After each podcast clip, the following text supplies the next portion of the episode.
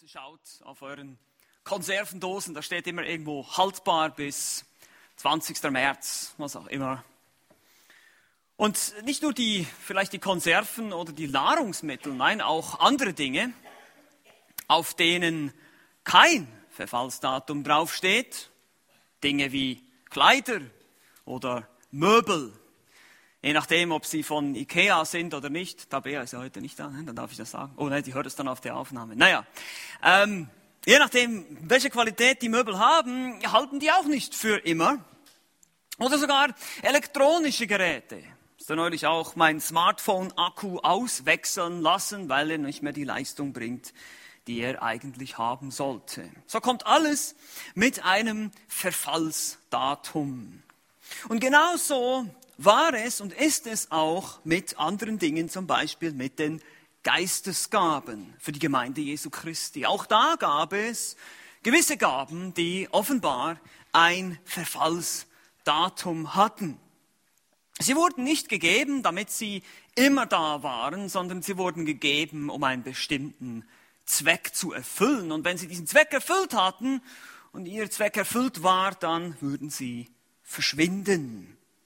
Diese Lektion war enorm wichtig, gerade auch für unsere lieben Freunde aus Korinth, mit denen wir uns jetzt schon wirklich sehr, sehr lange beschäftigen dürfen.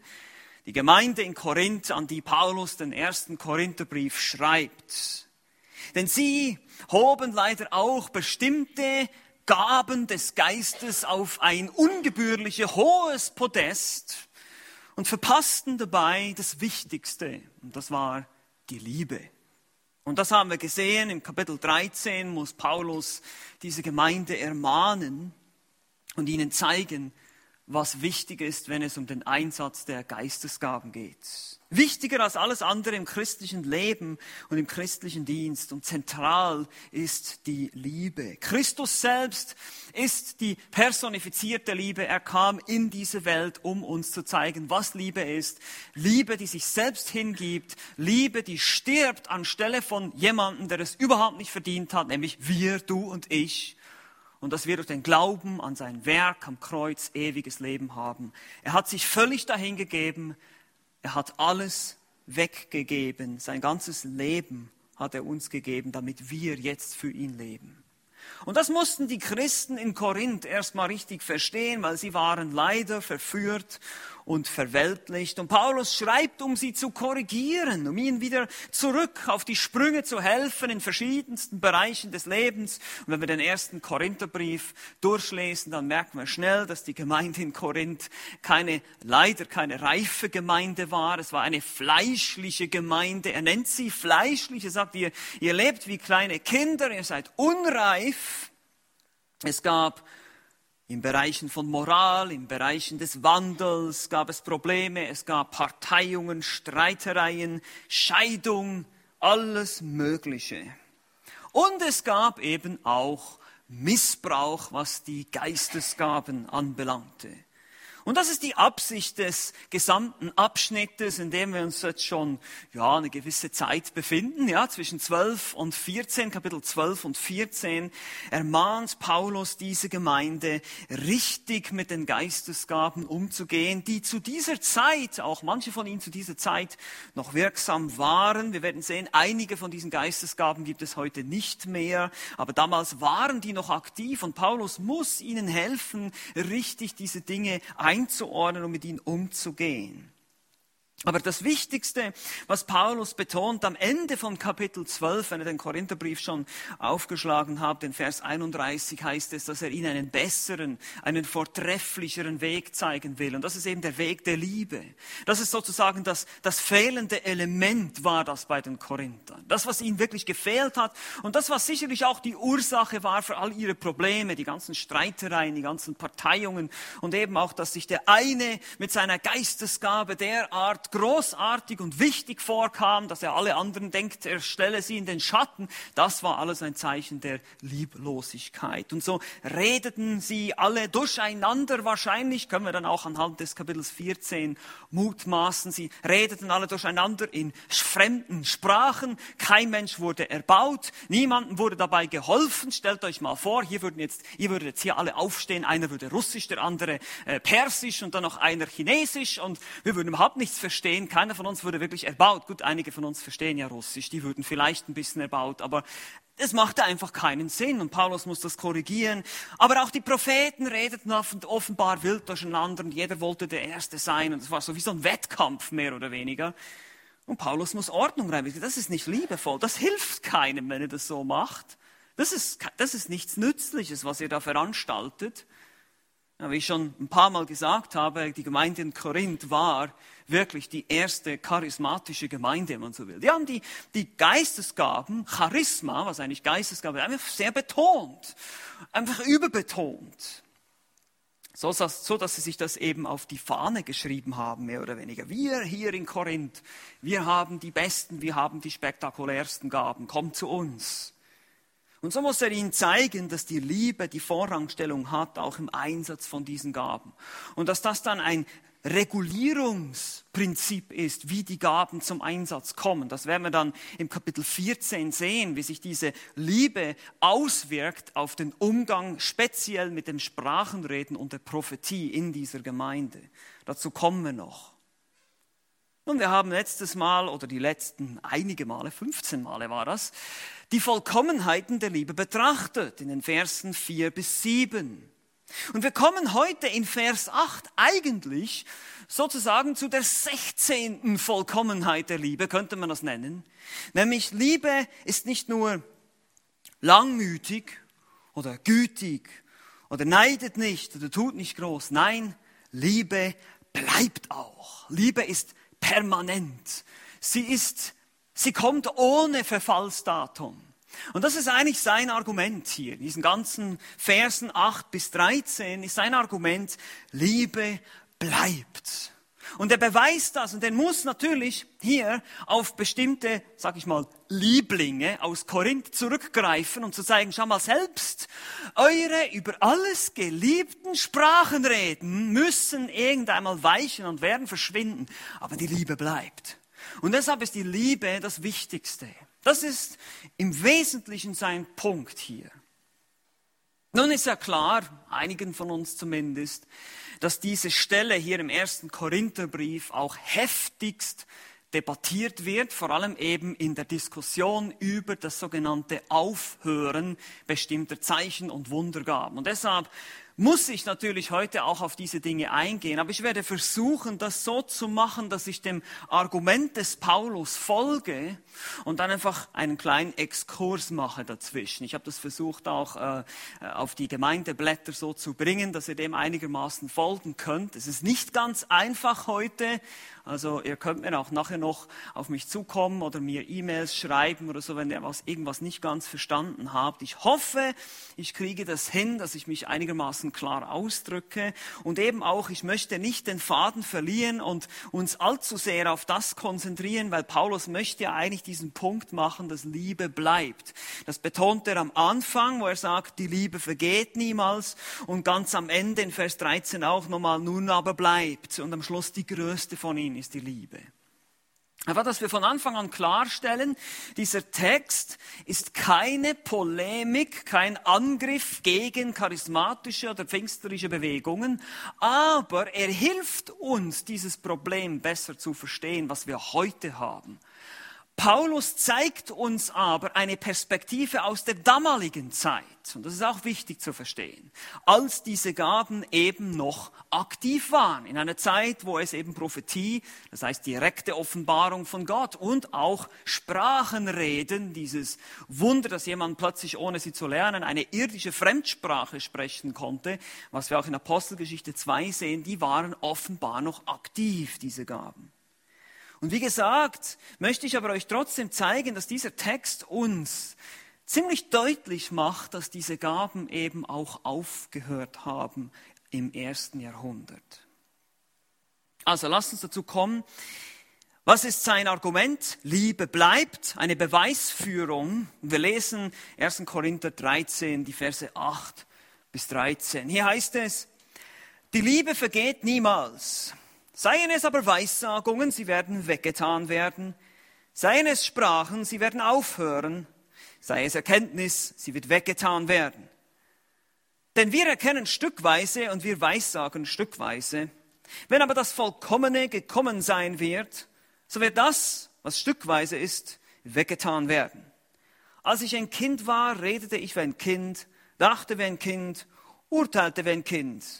Als ich ein Mann wurde, tat ich das weg, was kindlich war. Denn wir sehen jetzt mittels eines Spiegels undeutlich, dann aber von Angesicht zu Angesicht. Jetzt erkenne ich stückweise, dann aber werde ich erkennen, wie auch ich erkannt worden bin. Nun aber bleibt Glaube, Hoffnung, Liebe, diese drei. Die größte aber von diesen ist die Liebe. Bis hierher. Wie gesagt, das Thema ist offenbar, die Liebe bleibt. Und wir haben eigentlich drei Punkte im Wesentlichen, drei Dinge, die er hier deutlich macht. Wir haben die Behauptung, den Grund und die Anwendung. Die Behauptung in Vers 8 ganz am Anfang, der Grund in der Mitte von Vers 8, die zweite Hälfte bis und mit Vers 12 und dann Vers 13 die Anwendung. Und ihr seht schon, wir werden uns heute länger auch mit der Begründung be beschäftigen müssen. Weil wir einfach verstehen wollen, was war Paulus Absicht hier, was wollte er hier sagen. Lass uns als erstes die Behauptung betrachten. Das ist der Anfang von Vers 8. Hier heißt es, die Liebe vergeht niemals oder auch die Liebe hört niemals auf. So beschreibt es die Schlachter 2000. Liebe, einmal mehr das Wort Agape, diese selbstlose, aufopfernde Liebe, die er jetzt gerade in 15 verschiedenen Eigenschaften behandelt hat, in den Versen 4 bis 7. Er spricht von dieser göttlichen Liebe, von dieser Liebe, die genauso charakterisiert ist wie all diese Dinge, die wir gerade oder in den letzten halben Jahr zusammen studiert haben.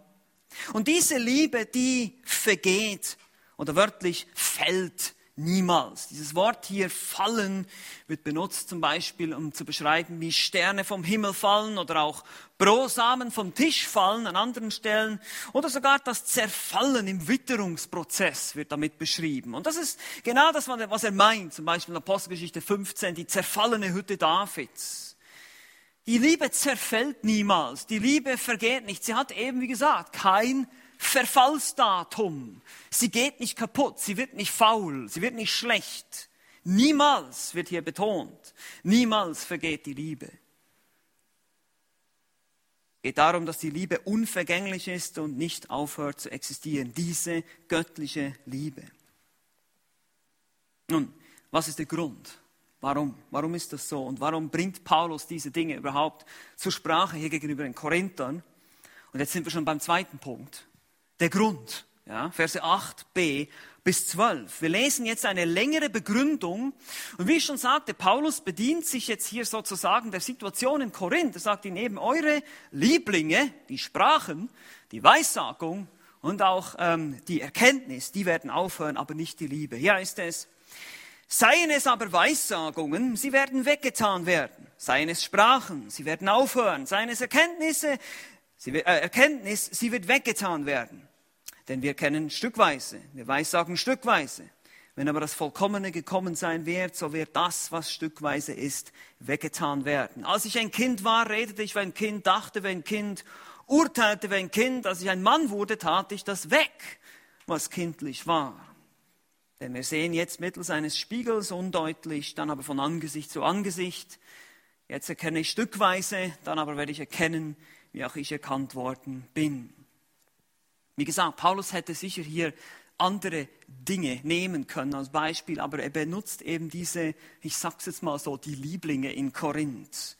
Weissagungen, Prophetia, direkte Offenbarungen von Gott. Hier in diesem Zusammenhang wohl eher direkte Voraussagen der Zukunft. Dann Sprachen, das Wort Glossa, Zunge wird es manchmal übersetzt, fälschlicherweise. Gemeint ist hier eine Fremdsprache, eine irdische Fremdsprache, die gesprochen wird von jemandem, der sie zuvor nicht gelernt hat. Und dann die Erkenntnis, die Gnosis im Sinne von direkter Erkenntnis von Gott, die dann später in den Schriften des Neuen Testaments gesammelt wird. Nun, was uns zunächst mal auffällt, und jetzt ist wichtig, dass ihr eure Bibeln vor euch habt, ist, dass Paulus ein anderes Verb verwendet für die Sprachen. Ist euch das aufgefallen? Er sagt, die Weissagungen werden weggetan, die Sprachen, bei mir heißt es hier, sie werden aufhören und dann wieder die Erkenntnis wird weggetan werden. Nun, das ist tatsächlich ein anderes Verb hier für die Sprachen. Es beschreibt sozusagen etwas, das wie von selbst aufhört. Wie eine Batterie, die immer schwächer wird, ein Akku, der immer weniger Leistung hat. Etwas, was langsam von selbst verschwindet. Hingegen das andere ist ein Wort, das eher das beschreibt, das von einer äußeren Kraft weggenommen oder entfernt wird. Und das werden wir noch sehen, das ist die Ankunft des Vollkommenen in Vers 10. Also durch die Ankunft von diesem Vollkommenen, was immer das ist, werden wir gleich sehen, werden die beiden anderen Geistesgaben weggetan werden. Die werden entfernt. Also erstens, Sprachen hören auf.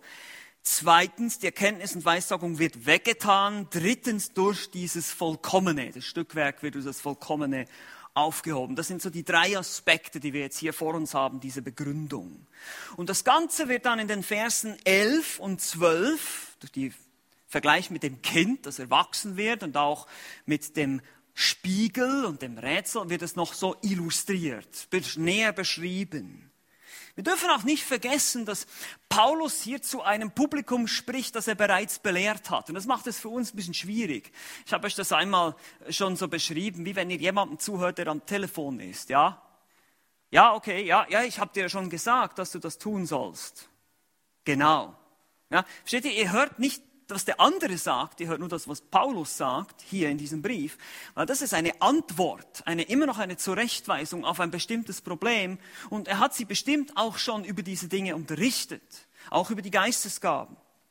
Und deshalb erinnert er sie hier an bestimmte Dinge, die sie wissen sollten. Aber lasst uns das jetzt im Einzelnen anschauen. Er sagt, ist immer noch seine Begründung hier, ist immer noch Punkt 2 und jetzt unter Punkt 1, Sprachen hören auf. Ja, das ist das Erste, was er hier erwähnt. Seine Sprachen, sie werden aufhören. Bauo, es stoppt, es kommt zum Ende, es läuft aus. Es ist eine Art Abklingen, sagt eine Fußnote des, der Elberfelder Übersetzung. Die Sprachen hören also noch vor dem Vollkommenen auf, die klingen vorher ab und dann durch das Vollkommene wird dann auch die Weissagung und die Erkenntnis weggetan. Warum sagt Paulus das? Nun, das Sprachenreden, was das angeht, bemerkte Paulus wohl schon bereits seine eigenen Lebzeit, also in der Zeit, wo er jetzt ist, wo er seinen Brief schreibt, äh, von Ephesus aus, dieser, der Rückgang von dieser Gabe. Im Jahre 55 nach Christus sehen wir, dass sich auch schon in der Apostelgeschichte das abzeichnet, dass es nicht mehr so viele Zeichen und Wunder gibt. Wir haben heute Morgen gerade Apostel, äh, heute Morgen, äh, vor einer Stunde, schon wieder reingefallen, heute Nachmittag, Apostelgeschichte 19 gelesen, eine Gebetsstunde. Da haben wir das schon gesehen. Es kommt noch vereinzelt vor, aber in späteren Briefen von Paulus findet man kein Wort mehr über das Sprachenreden und übrigens auch in der Kirchengeschichte die Jahrhunderte danach, also direkt im Anschluss an das erste Jahrhundert, auch nicht. Weil das Sprachenreden hatte eine besondere Funktion, die nur auf die Gründungsphase der weltweiten Gemeinde beschränkt war. Das haben wir bereits betrachtet, als wir die Apostel betrachtet haben in Kapitel 12, 28. Die Funktion der Apostel war genauso grundlegend und die Apostel sind ebenfalls verschwunden. Nach den Aposteln, nach dem letzten Apostel Johannes gab es keine weiteren Apostel mehr. Niemals hat ein Apostel einen weiteren Apostel eingesetzt eingesetzt. Das haben wir gesehen. Die Ältesten haben die Apostel abgelöst in der Leitung der Gemeinde. Auch war dieses Zeichen speziell für das ungläubige Israel gedacht. Das werden wir noch sehen im Kapitel 14, wo Paulus dann auch argumentiert und zeigt, dass das Sprachenreden diese besondere Funktion hatte, zu zeigen, dass das Evangelium oder das Heil jetzt zu den Heiden kommt, zu denen, die eben andere Sprachen sprechen.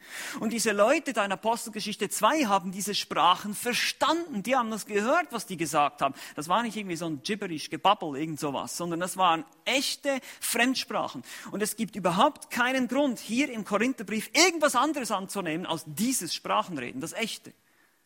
Und das hat eine bestimmte Funktion und Paulus korrigiert die Korinther im Kapitel 14, das werden wir noch sehen, und sagt, hey Leute, ihr habt nicht verstanden, wozu dieses Zeichen gegeben wurde. Das war ein Gerichtszeichen. Aus Jesaja 28, da wurde es schon prophezeit, damals in diesem Kontext waren es die Israeliten, die nicht auf Gott hören wollten und Gott hat sie nach Assyrien geschickt und da hörten sie die Sprache der Assyrer. Also wenn die Juden eine andere Sprache hören, war das ein Gerichtszeichen. Das ist die Idee, die dahinter steckt. Die Frage ist natürlich, brauchen wir das heute noch? Nein, natürlich nicht.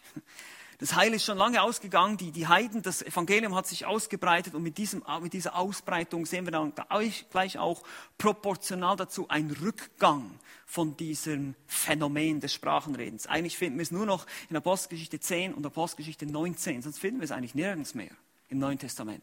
Wie gesagt, in späteren Briefen lesen wir gar nichts darüber. Timotheusbrief, die pastoralen Briefe, da steht nirgends irgendwie, ja, achtet darauf, auch in Sprachen zu reden. Das ist auch, wenn das wirklich so wichtig wäre, würden wir es da finden. Wir finden es aber nicht. Das heißt, es ist zurückgegangen und Paulus hat das wohl schon gesehen, dass das im Rückgang war. Und deshalb diese Ausdruckweise, es wird voll alleine vergehen. Also, es, denkt nicht, dass es so wichtig ist, Leute.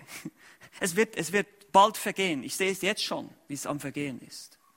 Zweitens, das Zweite, was er hier sagt, sind dann die Weissagung, die Erkenntnis, diese beiden. In Vers 8 am Anfang und am Ende. Diese anderen Gaben, von denen lesen wir, dass sie, wie gesagt, weggetan werden. Sei es Erkenntnis oder sei es Weissagen, sie werden weggetan werden. Eben nicht von selbst aufhören, sondern durch eine äußere Krafteinwirkung weggetan. Katargeo, wirkungslos gemacht, beseitigt, ausgelöscht, auf die Seite gestellt. Es wird zunichte gemacht, so wird es übersetzt in anderen Stellen, Kolosser 1, 28, 2, 8 und so weiter. Diese Gaben erreichen eine Sackgasse. Es geht nicht mehr weiter. Warum? Weil etwas anderes kommt. Es kommt etwas anderes.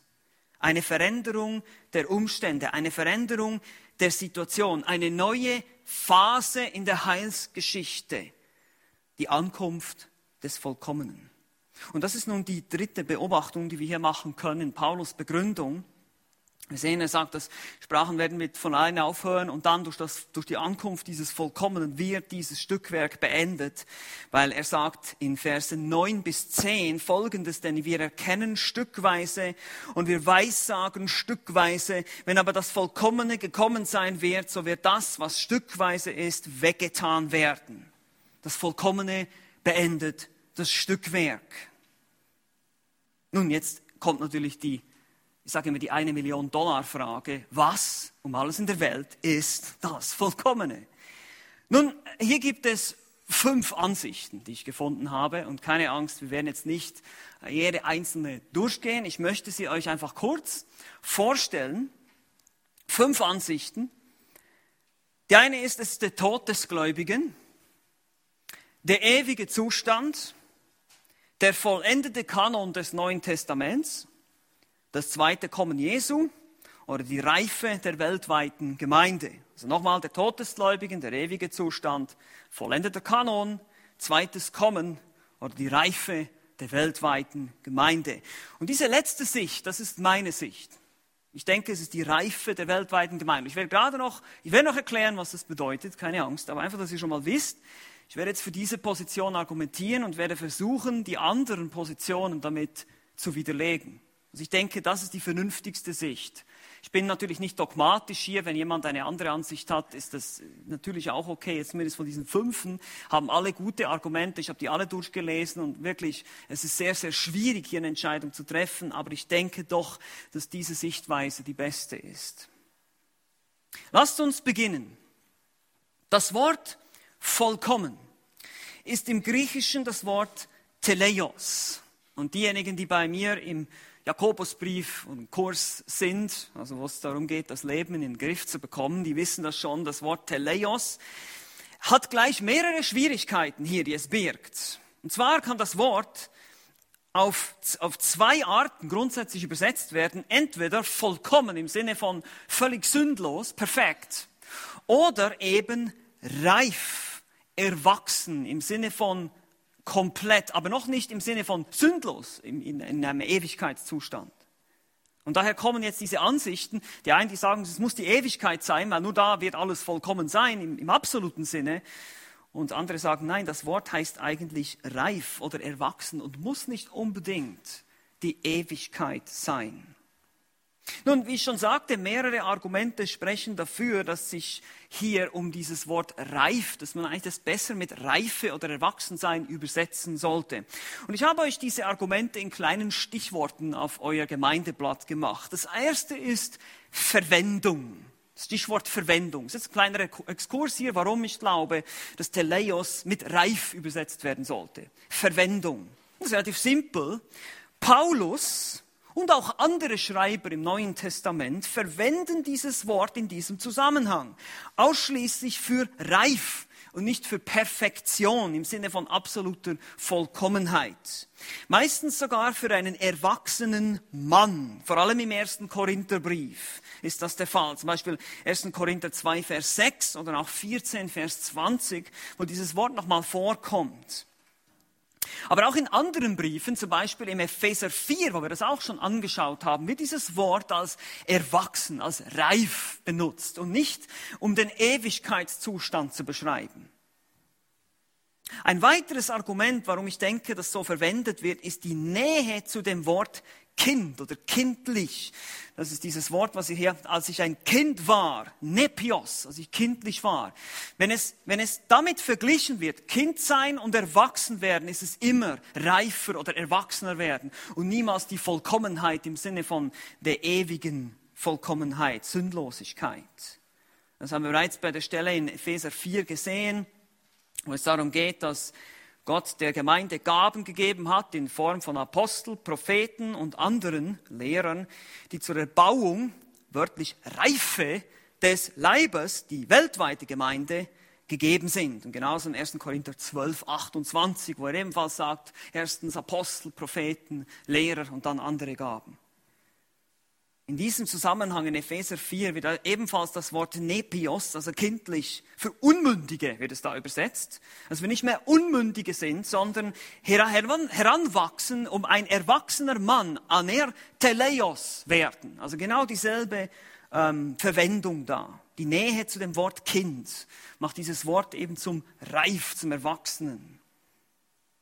Ein weiteres interessantes Detail hier ist, dass dieses Wort nie Achtung, gut aufpassen, als alleinstehendes Abstraktum verwendet wird. Nun, was bedeutet das? Das heißt, ein Abstraktum wäre die Vollendung, einfach so, für sich steht. Sondern da steht immer ein Bezugswort, zum Beispiel der vollendete Wille Gottes oder ein Bezugswort, das vielleicht nicht ausgesprochen wird, das aber im Kontext klar wird. Und das ist hier auch der Fall. Das Vollkommene ist ein Neutrum, also neutral, nicht männlich, nicht weiblich, sondern ein Neutrum. Und zum Beispiel das Wort Liebe oder andere sind hier weiblich, das kann nicht darauf bezogen werden. Aber im unmittelbaren Kontext hier in Vers 9 finden wir die Worte Weissagen und Erkennen im Infinitiv. Und das wäre ein Neutrum. Man kann eigentlich sagen, dass Paulus hier sagt, ich lese euch diesen Vers mal so paraphrasiert vor, denn wir erkennen stückweise und wir weissagen stückweise. Wenn aber das gereifte, erwachsene Weissagen und Erkennen gekommen sein wird, wird das stückweise ist weggetan werden. So können wir uns das vorstellen. Das ist das erste Argument, Verwendung. Wie verwendet es Paulus? Als reif. Zweitens, zweites Argument, Verwechslung habe ich es genannt. Verwechslung. Warum nenne ich das so? Nun, viele Kommentatoren, die ich gelesen habe, und ich habe einige gelesen, kommen mit Vers 11 und 12 nicht so klar. Sie sagen dann, Vers 11 ist wahrscheinlich irgendwie sowas wie eine undeutliche oder eher unklare Illustration für die Ewigkeit, weil Vers 11 irgendwie die Ewigkeit nicht wirklich darstellen kann. Ich meine, der, der Prozess eines Kindes, das langsam erwachsen wird und dann erwachsener Mann ist, das beschreibt nicht die Ewigkeit. Wir werden in einem Moment in die Ewigkeit gehen, sagt Paulus. Wir werden in einem Moment absolut vollkommen sein. Und das ist nur, weil man davon ausgeht, dass beide Verse dasselbe beschreiben. Was ist aber, wenn das nicht der Fall ist? Und es gibt hier gute Gründe, die dafür sprechen, dass Paulus in Vers 11 von einem anderen vollkommenen Weissagen und Erkennen spricht als in Vers 12. Es gibt quasi zwei Möglichkeiten, zwei Szenarien. Wenn wir nämlich Vers 12 anschauen, sehen wir, dass es die Ewigkeit beschreibt. Wir schauen von Angesicht zu Angesicht. Ja, ich erkenne stückweise, wie ich von Gott erkannt bin, ist eigentlich hier die Idee. Also eine vollkommene, innige Erkenntnis. Das ist die Ewigkeit.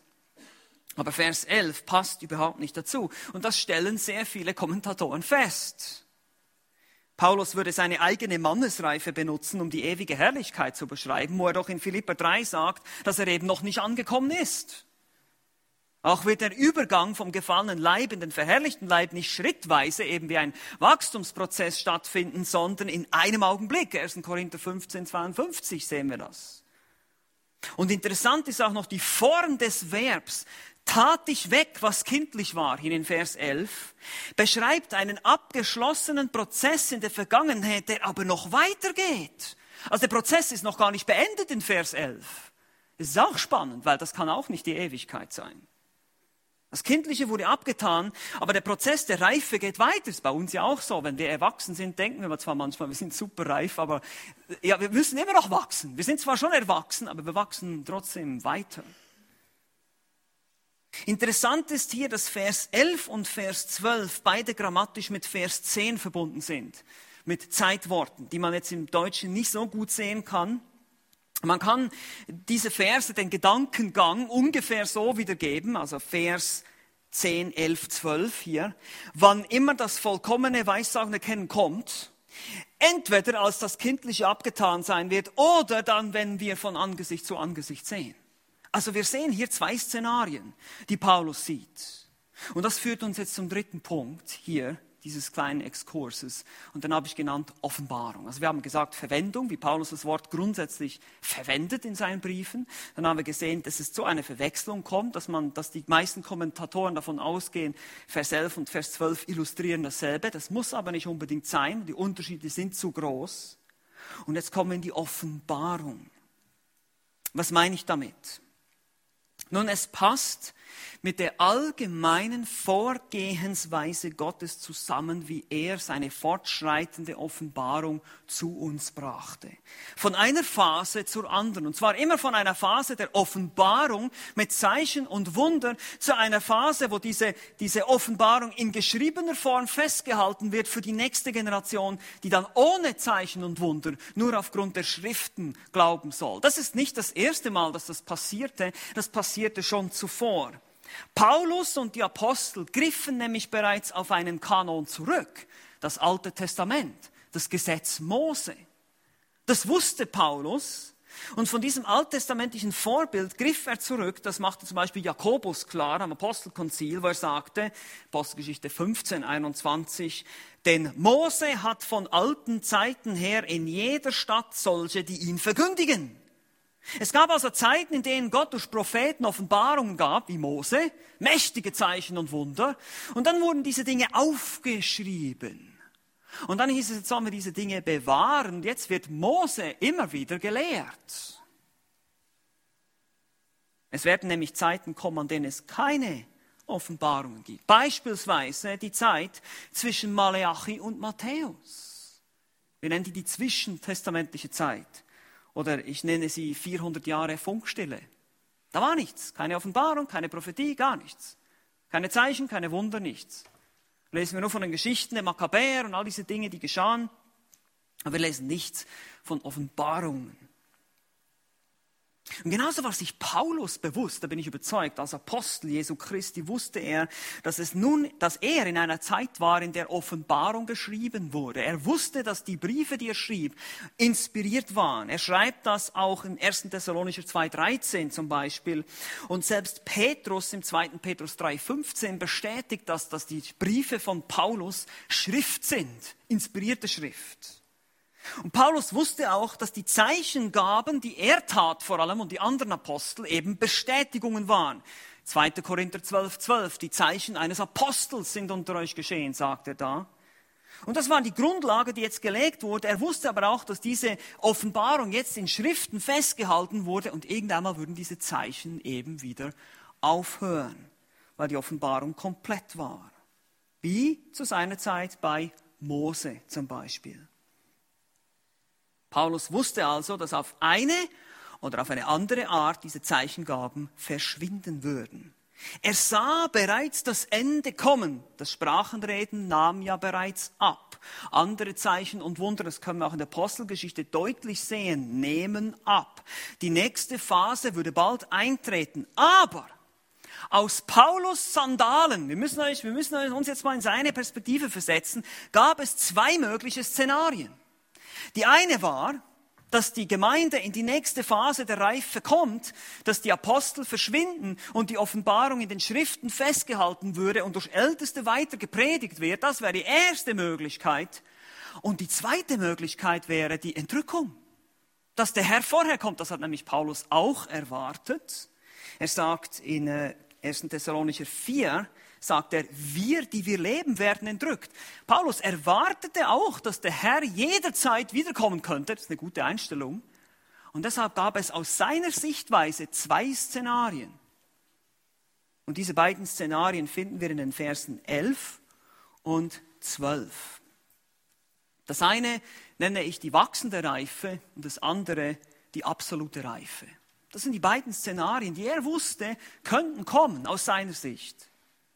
Und deshalb ist das Vollkommene, letztlich das vollkommene Weissagen und Erkennen, wenn die Gemeinde entweder die nächste Phase der Reife oder der Herr kommt, erreicht.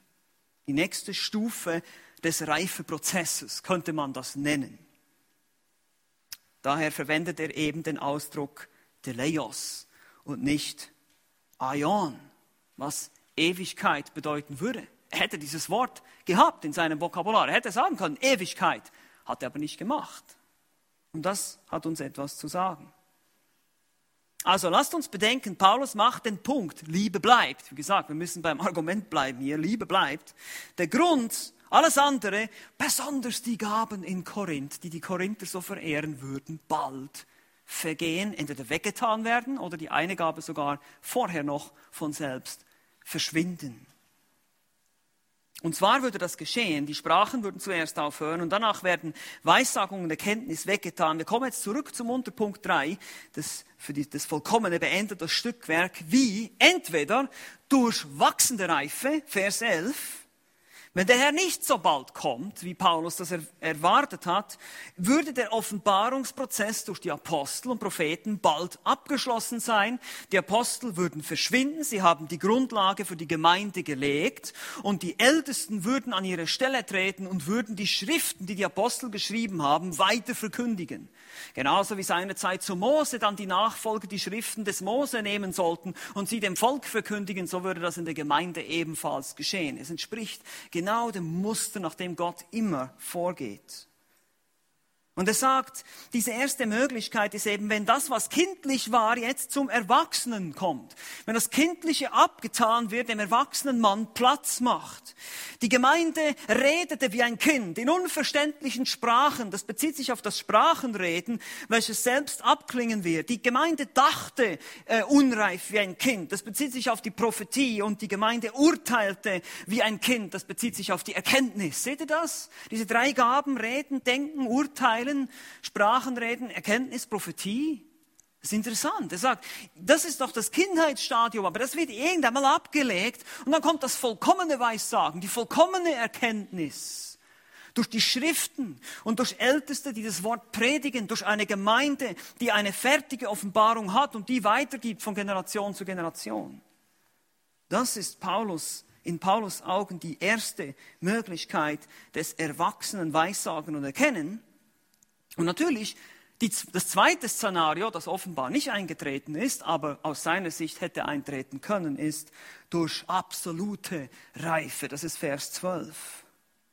Zunächst spricht der Apostel wieder vom Ist-Zustand, denn wir sehen jetzt mittels eines Spiegels. Korinth war damals sehr bekannt für die Produktion von guten Metallspiegeln aus Bronze. Es ist also kein schlechtes Bild hier. Das heißt, das Wort Rätsel hier ist eigentlich besser von der Schlachter 2000 als zum Beispiel die Elbefelder sagt, undeutlich oder dunkles Bild. Das ist nicht so gut übersetzt, weil das Bild selber war sehr deutlich. Das waren qualitativ gute Spiegel. Aber es ist nicht dasselbe wie das vollkommene, das wirklich perfekte Sehen von Angesicht zu Angesicht, wenn Jesus kommt. Also wenn ich ein Foto habe von meiner Frau, ich sehe, wie sie aussieht, ihre Augen, alles. Aber wenn sie vor mir steht, dann sehe ich einen Gesichtsausdruck, dann sehe ich, wie sie mit mir spricht. Das ist, besser, das ist eine bessere Qualität. Und so ist der Erkenntnisstand hier auch noch wie ein Spiegelbild. Und das ist heute noch so, wenn wir in die Schriften schauen, sagt Paulus, schauen wir auch in einen Spiegel. Aber das wird einmal mit der absoluten Reife aufhören, wenn der Herr kommt. Beide Bilder Spiegel und Rätsel hier in Vers 12 sind ein sehr passender Vergleich zum Stand der Erkenntnis und aus der Prophetie des ersten Jahrhunderts. Es war unvollkommen, eben stückweise. Wenn aber der Herr jetzt wiederkommen würde, dann würde urplötzlich dieser Erkenntnisstand auf 5000 Prozent hochgehen, ja. Vollkommen, absolut vollkommen. Und ihr seht, dass er deshalb ganz bewusst das Wort Teleios verwendet. Es kann nämlich beides bedeuten. Vollkommen im sündlosen, perfekten Zustand oder eben vollkommen als reif. Und deshalb sage ich, die nächste Phase der Reife, entweder durch diese wachsende Reife, durch dieses, was next, die nächste Phase oder eben durch das, wenn der Herr kommt, könnte beides ein Szenario sein, dass die Gaben weggetan werden. Wir werden im Himmel dann von Angesicht zu Angesicht erkennen oder auch erkennen, wie ich erkannt bin von Gott, so wie Gott uns erkennt, werden uns, wir uns erkennen. Das spricht von der höchsten Form der innigen Erkenntnis Gottes vom Endzustand im Himmel. Das ist eindeutig. Nun lass uns daher zurückkehren jetzt zum Argument des Paulus.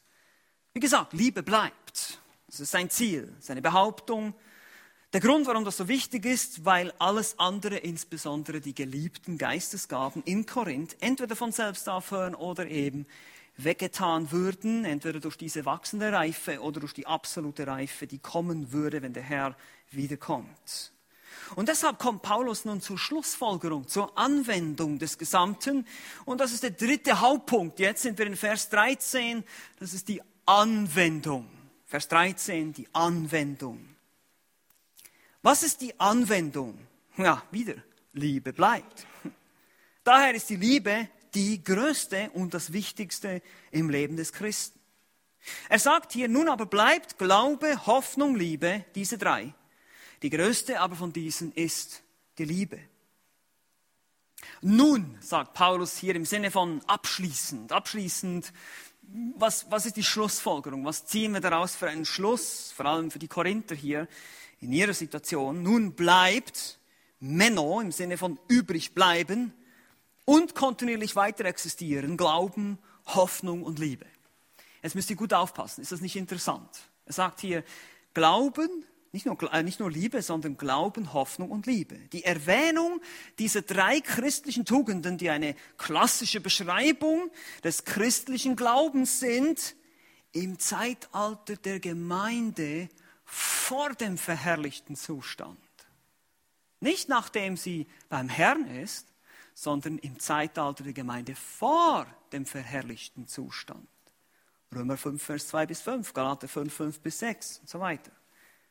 Und darum rätseln hier auch wieder die Kommentatoren und sagen, hm, naja, man sollte das hier nicht übertreiben, äh, Glaube und Hoffnung ist genauso wichtig wie Liebe. Oder naja, man versucht dann irgendwie die Hoffnung umzuinterpretieren in der Ewigkeit.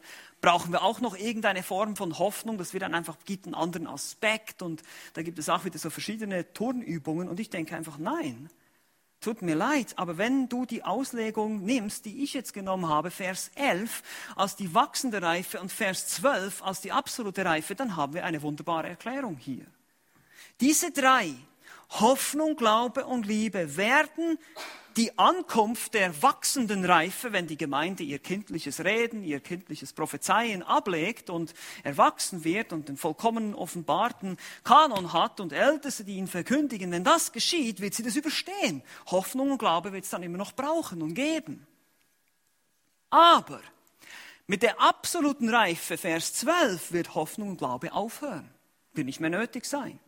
Glauben wird dann nämlich Schauen sein und Hoffnung ebenfalls. 2. Korinther 5, 6 bis 8 oder Römer 8, 24 und 25. Unsere Hoffnung, unser Glaube wird schauen. Dann wird nur noch eines übrig bleiben. Was? Die Liebe. Genau. Und daher ist sie die größte, weil die Liebe hat eben kein Verfallsdatum. Alle anderen Dinge haben eins. Nicht nur die Geistesgaben mit das Sprachenreden oder die Erkenntnis und die Weissagung, sondern sogar der Glaube und die Hoffnung haben ein Verfallsdatum. Nämlich wenn die absolute Reife gekommen ist. Prophetie, Erkenntnis, Sprachenrede hört noch im ersten Jahrhundert mit Erwachsenenreife auf. Hoffnung und Glaube werden mit der absoluten Reife bei der Ankunft des Herrn unnötig, aber nicht die Liebe. Sie bleibt für immer. Liebe bleibt. Das ist Paulus Punkt hier. Lasst uns jetzt hier vier Anwendungen machen von diesem etwas schwierigen, komplexen Situation hier, aber doch denke ich, ist es verständlich, wenn man das im Zusammenhang liest und sorgfältig betrachtet, dass Paulus hier wirklich den Korinthern ans Herz legt, eure Gaben wird es nicht mehr so lange brauchen, wie ihr meint, die sind nicht so wichtig, wie ihr denkt, sondern die Liebe ist entscheidend. Und deshalb ist natürlich das erste, die erste Anwendung für dich und mich, die, was du von dieser Stelle mitnehmen solltest, ist nicht in erster Linie, ja, diese Charismatiker und so weiter, sondern erstmal, lass uns in der Liebe wachsen. Ja, das, mal, das ist eigentlich sein Punkt. Ja. Das ist eigentlich das, was Paulus sagen will. Er hat gerade diese 15 Vollkommenheiten der Liebe behandelt Sei ein gütiger Mensch, sei ein langmütiger Mensch, vergib, deck zu, hoffe, glaube, neide nicht. All das, was er vorher gesagt hat, denke daran, das ist das, was in Ewigkeit bleiben wird. Wenn du etwas tun willst, was in Ewigkeit bleibt, dann musst du nichts Spektakuläres tun, du musst nicht ein großer Prophet sein, du musst nicht in Sprachen reden können, nein, du musst lieben. Weil Liebe wird die Ewigkeit lang Bestand haben. Alles andere vergeht von selbst oder wird weggetan. Das ist der Punkt hier. Liebe ist wichtiger als alle Gaben zusammen, die wir möglicherweise haben könnten. Sie ist wichtiger als großer Glaube, starke Hoffnung oder auch viel Erkenntnis, was wir am Anfang des Kapitels 13 gesehen haben. Wenn wir als Christen nicht liebevoll leben, nützen uns die spektakulärsten Gaben nichts, wie damals in Korinth, aber auch in der heutigen Zeit. Und das ist das, was die charismatische Bewegung heute irrtümlicherweise glaubt. Sie müsse jetzt hier Zeichen und Wunder tun, um Menschen zu überzeugen. Aber wir können auch durch unsere Liebe viel mehr überzeugend wirken, als dass wir hier große Wunder tun. Lasst uns in der Liebe wachsen. Zweitens, Lasst uns in der Demut wachsen. Paulus betont das einige Male. Erkenntnis ist Stückwerk. Und wir befinden uns noch immer im Prozess der wachsenden Reife aus Vers 11. Das Kindliche ist zwar abgetan, wir sind eine erwachsene Gemeinde jetzt in diesem Zeitalter, aber trotzdem lernen wir weiter. Die vollkommene Reife, das Schauen von Angesicht zu Angesicht ist noch nicht gekommen. Dieses Perfekte, das ist noch nicht da. Wir sind immer noch im Zeitalter eines Spiegels, indem wir das Wort Gottes studieren und betrachten. 2. Korinther 3, Vers 18. Wir wissen nicht alles. Wir müssen uns in Demut üben. Selbst Paulus wusste nicht, welche der beiden Möglichkeiten das Stückwerk vorerst beenden würde. Er, wusste, er hatte auch zwei mögliche Szenarien vor sich. Also müssen wir vorsichtig sein. Deshalb habe ich vorhin auch gesagt, ich bin hier mit meiner Auslegung auch nicht dogmatisch. Ich lasse mich auch belehren. Aber ich denke trotzdem, dass das die vernünftigste Art ist, diese Stelle zu verstehen. Aber ich werde das nicht auf Biegen und Brechen verteidigen, wie eine Lehre, die wirklich in Verdammnis führen könnte, wenn man, wenn man falsch liegt. Das ist was anderes. Also lasst uns in Demut wachsen hier. Und dann natürlich, drittens, lasst uns in der Wachsamkeit wachsen. Zeichengaben haben im ersten Jahrhundert aufgehört. Egal, ob du jetzt hier auch das Vollkommene, die Ewigkeit siehst, wir sehen deutlich anhand von anderen Stellen, auch an der Kirchengeschichte, wir sehen, dass Zeichen und Wunder nicht mehr nötig sind. Aufgrund dieses Prozesses, den ich euch beschrieben habe. Gott hat Offenbarungen nicht immer gegeben. Selbst zur Zeit Mose konnte nicht einfach jeder Zeichen und Wunder tun. Das war nie der Fall. Auch bei den Aposteln nicht. Nicht einfach jeder Christ hat Zeichen und Wunder getan. Und wir werden noch sehen, selbst die Aussagen, die Paulus macht in Kapitel 14, wo er vielleicht sagt, ähm, denn ich wünschte, er würde in Sprachen reden, alle. Das ist nur ein Wunsch. Das ist nicht eine Aussage, die er macht, dass das so war. An einer anderen Stelle sagt er ganz deutlich, dass es eben nicht alle konnten. Und so müssen wir, müssen wir das festhalten, dass Gott gibt diese Gaben, nicht wir. Wir können uns das nicht irgendwie verdienen. Und Zeichen und Wundergaben wie Prophetie und Sprachenreden hatten eine bestimmte Funktion für das Kindheitsstadium der weltweiten Gemeinde. Damals waren die nötig, weil es gab noch keine feste Offenbarung und deshalb eben der neutestamentliche Kanon ist Teil davon. Aber es geht dann auch weiter in diese nächste Phase, wo eben Älteste diese Gemeinden weiterführen und diese Tradition weitergeben und so weiter. Das ganze Paket ist hier im Blickfeld. Und die Kirchengeschichte, wie gesagt, bestätigt das. Und daher müssen wir wachsam sein und verstehen, wenn Leute kommen heute und sagen, wir müssen Zeichen und Wunder tun, um Menschen zum Glauben zu bringen, wir müssen irgendwelche, irgendwelchen Zungen reden, dann ist das Unsinn. Da können wir das ganz beruhigt als eine Irrlehre abstellen und sagen, das gibt es nicht mehr. Die Bibel macht das absolut deutlich. Und das müssen wir verstehen. Und dann heißt es, oder der letzte Punkt hier für uns wäre noch, lasst uns in der Erkenntnis wachsen. Wir haben einen abgeschlossenen, reifen Kanon, zumindest hier eine Schrift. Es ist immer noch wie ein Spiegel, aber es ist trotzdem schon viel erwachsener, viel reifer.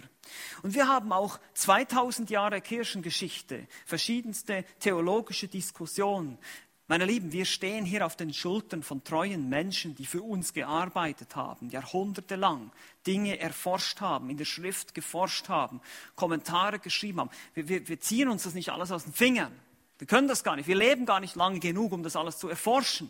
Und deshalb können wir weiter wachsen in der Erkenntnis und uns freuen darüber, dass wir eine solche Fülle an Erkenntnis haben. Viel mehr als damals in der Gemeinde in Korinth. Und jetzt seht ihr auch, warum wir heute eben prophetisches Reden oder, oder, oder, Sprachen gar nicht mehr benötigen, weil wir haben eine viel höhere, viel reifere Erkenntnis hier vor uns liegen und auch in der Zeit gesehen.